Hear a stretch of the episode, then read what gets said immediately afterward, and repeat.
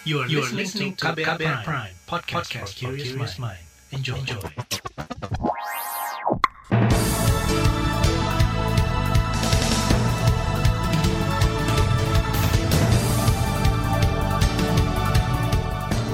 Selamat pagi saudara, jumpa lagi di program Buletin Pagi edisi Senin 6 Desember 2021, saya Roni Sitanggang. Sejumlah informasi pilihan telah kami siapkan, di antaranya Presiden perintahkan tanggap darurat penanganan erupsi Semeru. Polri segera sosialisasikan aturan pengangkatan ex pegawai KPK. Terlibat praktek aborsi, polisi di Pasuruan ditahan. Inilah Buletin Pagi selengkapnya.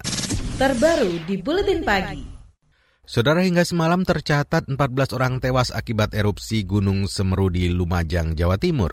Presiden Joko Widodo memerintahkan jajarannya melakukan langkah penanganan tanggap darurat. Menteri Sekretaris Negara Pratikno mengatakan Presiden meminta jajarannya bergerak cepat. Bapak Presiden sudah memerintahkan kepada Kepala BNPB, kepada Kepala Basarnas, Menteri Sosial, Menteri Kesehatan, Menteri Pekerjaan Umum dan Perumahan Rakyat, dan juga kepada Panglima TNI, Kapolri, Gubernur, dan Bupati untuk segera melakukan tindakan secepat mungkin, melakukan langkah-langkah tanggap darurat, mencari dan menemukan korban, memberikan perawatan kepada korban yang luka-luka, dan melakukan penanganan dampak bencana.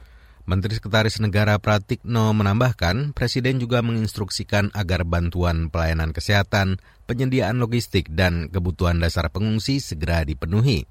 Selain itu, Kepala Negara juga meminta agar perbaikan infrastruktur yang terdampak bisa diselesaikan dalam waktu yang singkat. Presiden mengimbau masyarakat waspada mengingat Indonesia berada di wilayah cincin api sehingga rawan terjadi bencana. Badan Nasional Penanggulangan Bencana BNPB mencatat dari belasan korban tewas akibat erupsi Gunung Semeru, sebanyak lima orang belum teridentifikasi.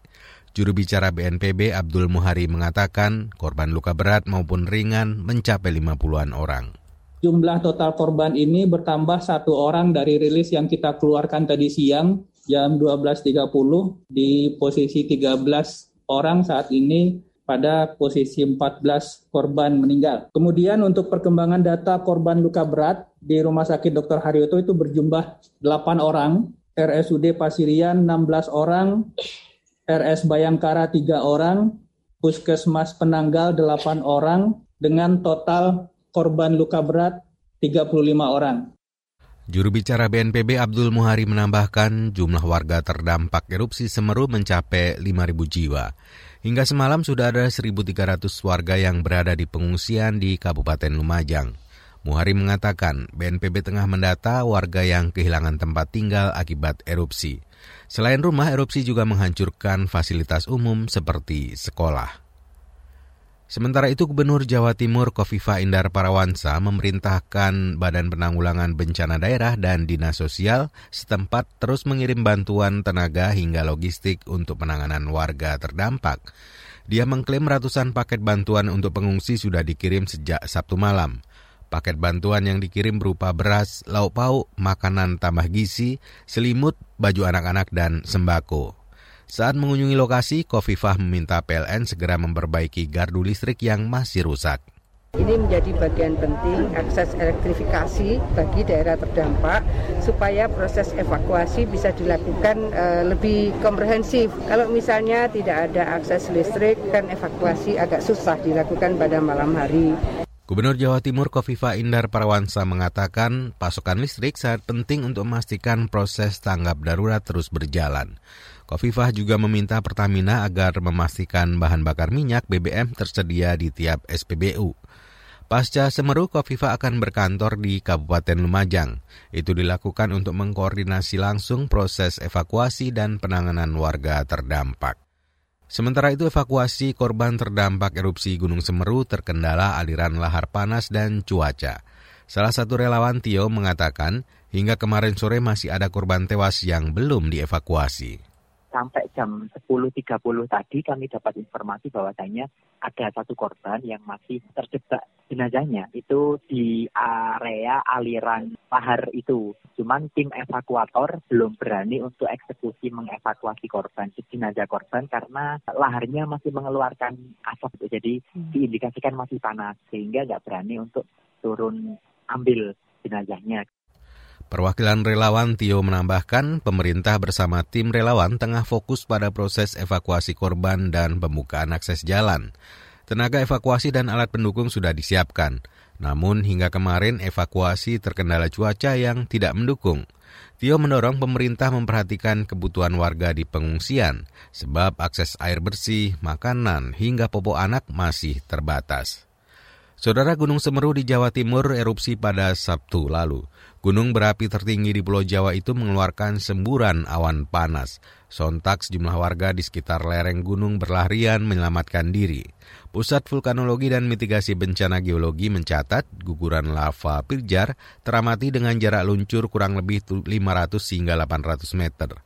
Diperkirakan erupsi atau guguran awan panas kemungkinan besar masih akan terjadi. Pasalnya hingga kemarin terjadi dua kali erupsi susulan.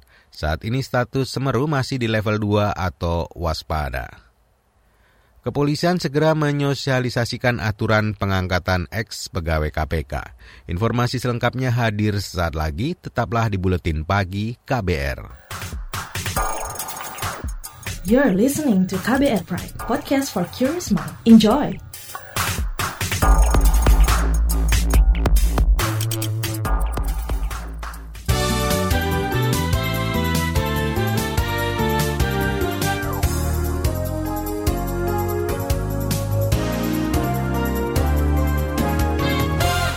Anda sedang mendengarkan buletin pagi KBR.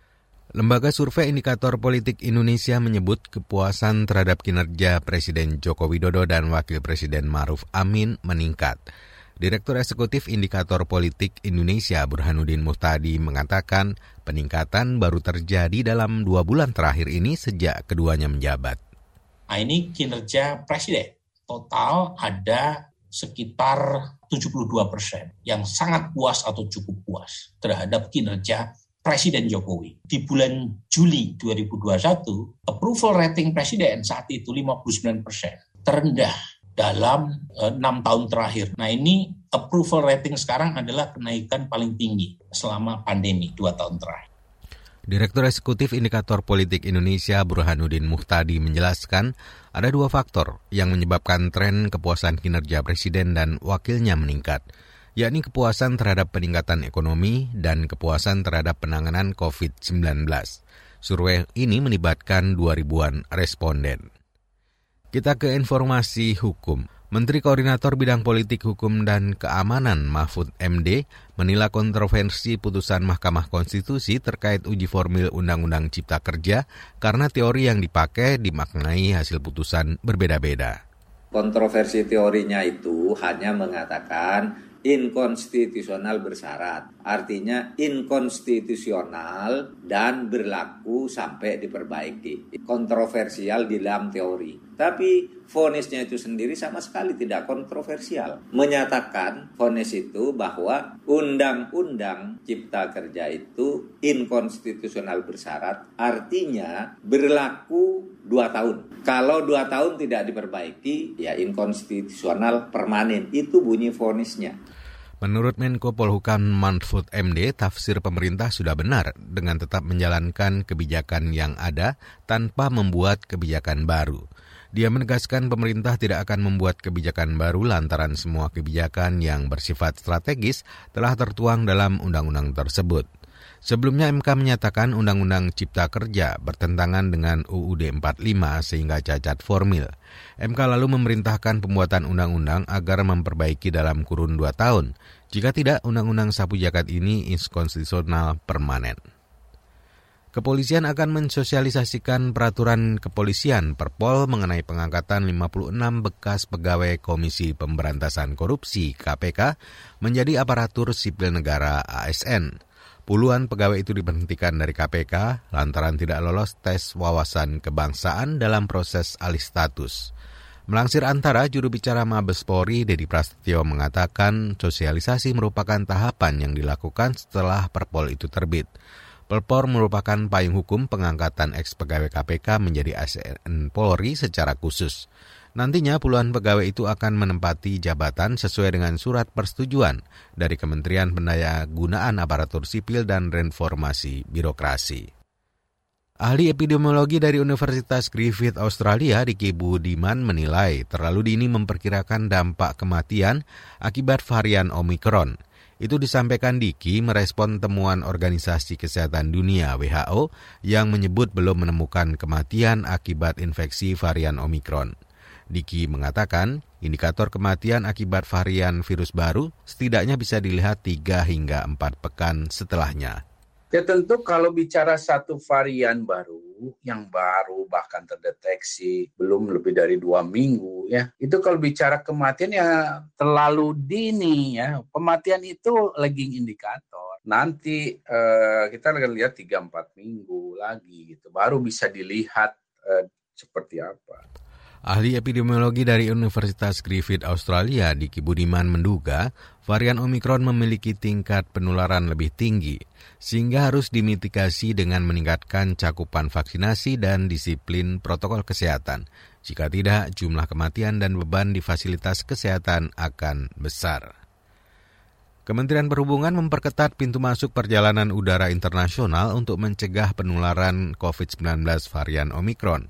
Dirjen Perhubungan Udara di Kemenhub Novirianto mengatakan pengetatan dilakukan dengan memperpanjang masa karantina hingga persyaratan PCR.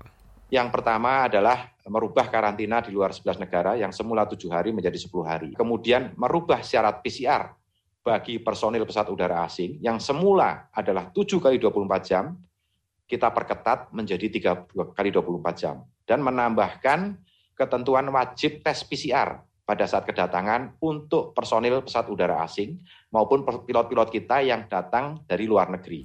Dirjen Perhubungan Udara di Kemenhub Novirianto menambahkan, pemerintah tetap membolehkan warga dari negara larangan untuk masuk. Namun mereka wajib karantina 14 hari dan tes PCR kembali pada hari ke-13. Adapun negara-negara asal yang dilarang masuk di antaranya Afrika Selatan, Hong Kong, dan Zimbabwe. Beralih ke informasi ekonomi. Menteri Investasi Bahlil Lahadalia akan mengencarkan perkembangan arus industri hilirisasi di Indonesia. Karena dia itu akan menjadi fokus aras kebijakan investasi tahun depan. Sebab kata dia, hilirisasi akan menopang pertumbuhan ekonomi dengan sumbangan dari sisi konsumsi rumah tangga yang besar konsumsi 57 persen, kita harus dorong kepada sektor investasi yang menciptakan nilai tambah supaya melahirkan tenaga kerja yang berkualitas. Jadi kita harus geser karena untuk mencapai kita punya pendapatan per kapita 12 ribu dolar ke depan itu harus kita geser. Jadi memang kita harus ada hilirisasi. Jadi penciptaan-penciptaan uh, produk-produk subsidi impor harus kita dorong. Kemudian mampu memberikan nilai tambah yang maksimal sehingga produk yang kita ekspor nantinya bukan lagi produk-produk bahan baku. Menteri Investasi Bahlil Lahadalia optimistis pertumbuhan ekonomi nasional akan lebih baik jika dibarengi perubahan struktur ekonomi yang mendasarkan pada peningkatan investasi di sektor hilir. Namun dia menekankan penanganan COVID-19 tetap menjadi kunci pengendalian ekonomi Indonesia. Kita ke informasi mancanegara. Tiga orang tewas dalam unjuk rasa anti pemerintah di Myanmar kemarin. Melansir Associated Press, tiga orang itu tewas usai militer menabrakkan mobil ke tengah-tengah masa. Militer juga menangkap sejumlah pengunjuk rasa. Demo itu digelar sehari menjelang sidang putusan pertama untuk bekas pemimpin Myanmar Aung San Suu Kyi. Suu Kyi digulingkan dalam kudeta militer 1 Februari lalu. Dia kini menjalani proses peradilan dengan tuduhan penghasutan dan melanggar pembatasan virus corona. Masih dari mancanegara, lebih dari 110 anak di bawah umur di Afrika Selatan harus menjalani perawatan rumah sakit akibat terinfeksi COVID-19 varian Omicron. Melangsir CNN, provinsi terpadat di Afrika Selatan mengalami lonjakan rawat inap anak yang tertular varian ini. Pejabat di Departemen Kesehatan mengatakan semua kasus imbas varian Omicron memiliki gejala ringan. Organisasi Kesehatan Dunia WHO sejauh ini melaporkan varian baru Omikron telah terdeteksi di setidaknya 38 negara dan semua benua kecuali Antartika. Beralih ke informasi olahraga. Dari turnamen bulu tangkis BWF World Tour Finals 2021, ganda putra Indonesia Kevin Sanjaya, Markus Gideon harus puas menjadi runner-up usai kalah dari pasangan Jepang Takuro Hoki Yugo Kobayashi di partai final kemarin. The Minions kalah dalam laga 3 set. Ini menjadi kekalahan kedua Kevin Marcus dalam tiga partai final terakhir di rangkaian turnamen di Indonesia. Pasangan Indonesia hanya menang di Indonesia Open pada pekan lalu. Kita ke Liga Italia. Juventus taklukkan Genoa 2-0 dini hari tadi waktu Indonesia Barat. Hasil ini membuat catatan kemenangan pelatih Massimiliano Allegri yang ke-250 Hasil itu membuat Juve naik ke tempat kelima klasemen sementara Liga Italia dengan 27 poin. Angka itu selisih 7 poin dari Atalanta yang berada di peringkat keempat. Saudara di bagian berikutnya kami hadirkan laporan khas KBR bertajuk Berkah Karbon Komunitas Penjaga Hutan Bujang Raba. Nantikan sesaat lagi. You're listening to KBR Pride, podcast for curious mind. Enjoy!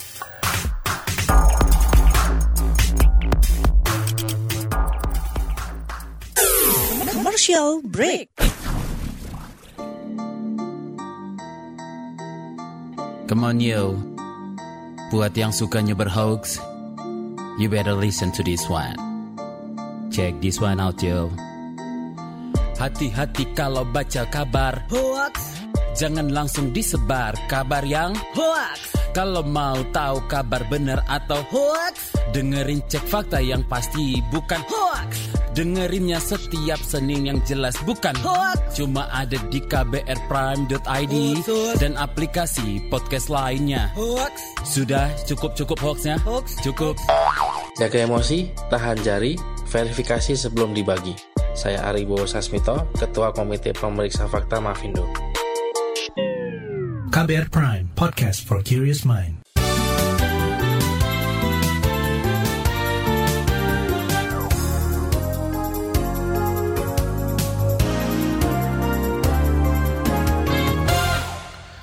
Saudara Anda masih bersama kami di Buletin Pagi KBR bersama saya Roni Sitanggang.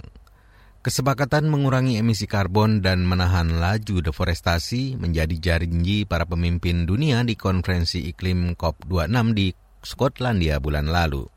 Di Jambi ada komunitas lima desa yang turun-temurun melindungi hutan lindung Bukit Panjang Rantau Bayur atau Bujang Raba.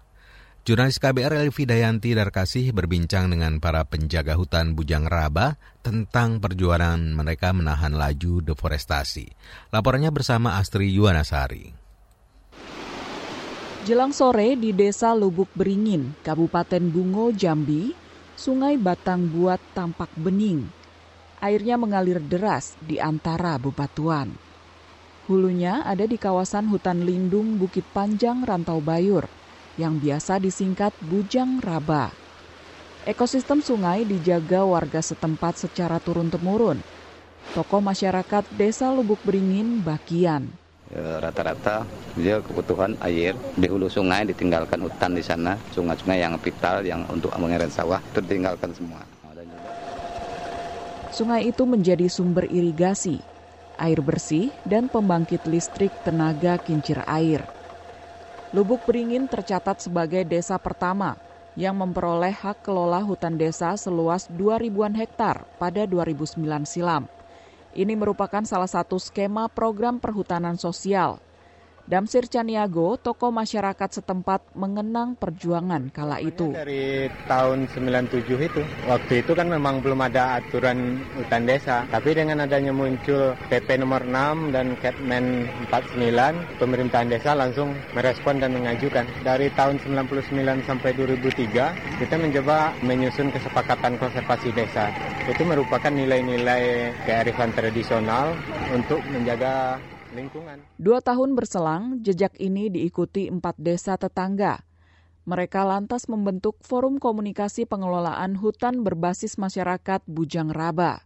Koordinator Program Komunitas Konservasi Indonesia KKI Warsi, Emi Primadona. Diikuti sama Desa Senamat Ulu, Dusun Mengkuang, Sangi Letung, dan Sungai Telah. Secara total, lima hutan desa itu berjumlah 7.291 hektar. Zona lindung adalah kawasan hutan yang belum tersentuh oleh masyarakat dan dianggap memang harus dilindungi. Itu totalnya 5.336. Nah, yang protektif KKI Warsi mendampingi penduduk yang tinggal di kawasan hutan lindung Bujang Raba. Menurut Emi, warga sepakat 75 persen areal hutan tidak boleh dialihfungsikan. Meski begitu, ancaman pembukaan lahan selalu mengintai. Dari atas itu sudah ada konsesi sawit, terus dari timber juga ada HTI, terus tambang. Jadi kita bisa melihat bahwa lokasi ini uh, tingkat keterancaman tinggi walaupun kondisinya pada saat Pada 2019 sekitar 90 hektar lahan terbakar dipicu puntung rokok yang dibuang wisatawan. Ogah kecolongan lagi, patroli hutan digencarkan kata anggota Forum Komunikasi Pengelolaan Hutan Bujang Raba, Muhammad Sofyan. Untuk pengamanan dan patroli kawasan itu kita lebih utamakan karena itu yang pentingnya adalah untuk reboisasi ke depan. Ini kerbau kami sebut dengan daging karbon. ya, kenapa daging karbon? Sofian menunjukkan beberapa foto pembagian daging kerbau ke warga saat momen Lebaran 2021 lalu. Mereka dapat dana 1 miliar rupiah berkat jerih payah menjaga karbon di hutan. Hasil ini sangat membantu sekitar 1.200-an warga lokal di krisis pandemi dan anjloknya harga karet. Selain sembako, dana berkah jasa karbon juga disalurkan untuk beasiswa pendidikan, santunan lansia dan penyandang disabilitas, pembangunan sarana publik, hingga operasional pengelolaan hutan. Menurut Koordinator Program KKI Warsi Emi Primadona, Bujang Raba sudah masuk pasar karbon dunia sejak 2018. Namun, baru mendapat pendanaan pada 2019 sebesar 1,4 miliar rupiah. Kita juga mendapatkan dukungan dari Swedia terkait dengan perlindungan hutan tropis. Waktu itu mereka mengcapture cerita tentang Bujang Raba ini karena mereka membuat film langsung di lokasi ini. Sehingga ada yang berdonasi mulai dari satu dolar, 2 euro. Jadi itu menjadi dana publik yang kemudian disalurkan ke masyarakat langsung. Skema perdagangan karbon merupakan insentif keuangan untuk mengurangi emisi karbon. Dana bisa berasal dari negara penghasil emisi karbon, lembaga maupun individu. Kemudian disalurkan ke komunitas penjaga hutan seperti di Bujang Raba. Kami secara uh, nasional di perhutanan sosial Komitmen pengelolaan hutan zero karbon di Bujang Raba mendapat apresiasi Kementerian Lingkungan Hidup dan Kehutanan. Direktur Penyiapan Kawasan Perhutanan Sosial KLHK Erna Rosdiana mengatakan, jika optimal dikelola akan berkontribusi besar bagi mitigasi perubahan iklim. Dan itu memang nilainya dari sisi ekologinya keren lah ya bagus banget terjaga hutannya masyarakatnya juga semangat ya tentulah kalau masyarakat bisa dapat support diberi kepercayaan pasti akan semangat demikian saga jurnalis KBR Elvi Dayanti Darkasih saya Astri Yuwanasari Saudara informasi dari berbagai daerah akan kami hadirkan usai jeda berikut ini. You're listening to KBR Pride, podcast for curious mind. Enjoy!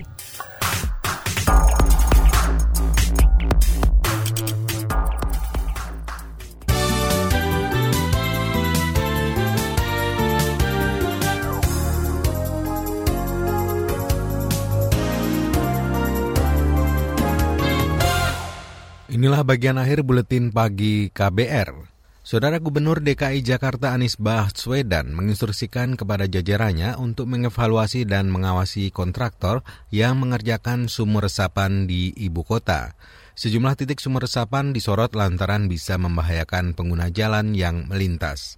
Dalam keterangan tertulisnya, Anies meminta agar kontraktor mengejakan sumur resapan sesuai standar, sehingga dapat berfungsi dengan optimal dan tidak membahayakan orang lain, terutama pengguna jalan. Anies bakal menegur kontraktor yang tidak menjalankan pekerjaan dengan baik. Kita ke Jawa Timur, Kepolisian menahan dan menetapkan Bribka RB, anggota polisi di Polres Pasuruan sebagai tersangka terkait kasus bunuh diri kekasihnya NW di samping makam ayahnya di Mojokerto, Jawa Timur. Dia diduga terlibat mengugurkan kandungan NW. Wakapolda Jawa Timur Selamat Hadi Supraptoyo mengatakan Bribka RB disangka melanggar kode etik dan terancam dipecat. Secara pidana umum, kita juga akan menerapkan atau menjerat pasal 348 juntur 55. Ini adalah langkah-langkah yang kita lakukan terkait dengan kasus yang menimpa anggota kita. Untuk itu kita sudah sepakat dan kita akan jalankan Wakapolda Jatim Selamat Adi Supratoyo menjelaskan RB dan NW sudah menjalin hubungan asmara sejak Oktober 2019. Keduanya diduga sudah beberapa kali melakukan hubungan seksual hingga hamil. Polisi kini mendalami motif dan penyebab NW bunuh diri. Beralih ke Maluku, sejumlah rumah rusak dihantam gelombang tinggi saat air pasang di kota Ternate, Maluku Utara. Akhir pekan kemarin, Melangsir antara Wali Kota Ternate M. Tauhid Soleman mengatakan gelombang tinggi saat air pasang baru kali pertama terjadi. Dia mengimbau warga untuk mengungsi sementara waktu.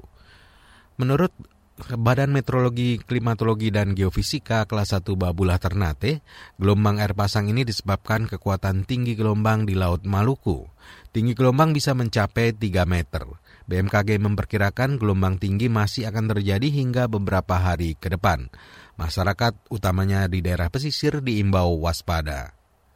Saudara informasi tadi menutup jumpa kita di Buletin Pagi. Pantau juga informasi terbaru melalui kabar baru di situs kbr.id, Twitter kami di akun @beritaKBR serta podcast di alamat kbrprime.id. Akhirnya saya bersama Roni Sitanggang bersama tim yang bertugas undur diri. Salam.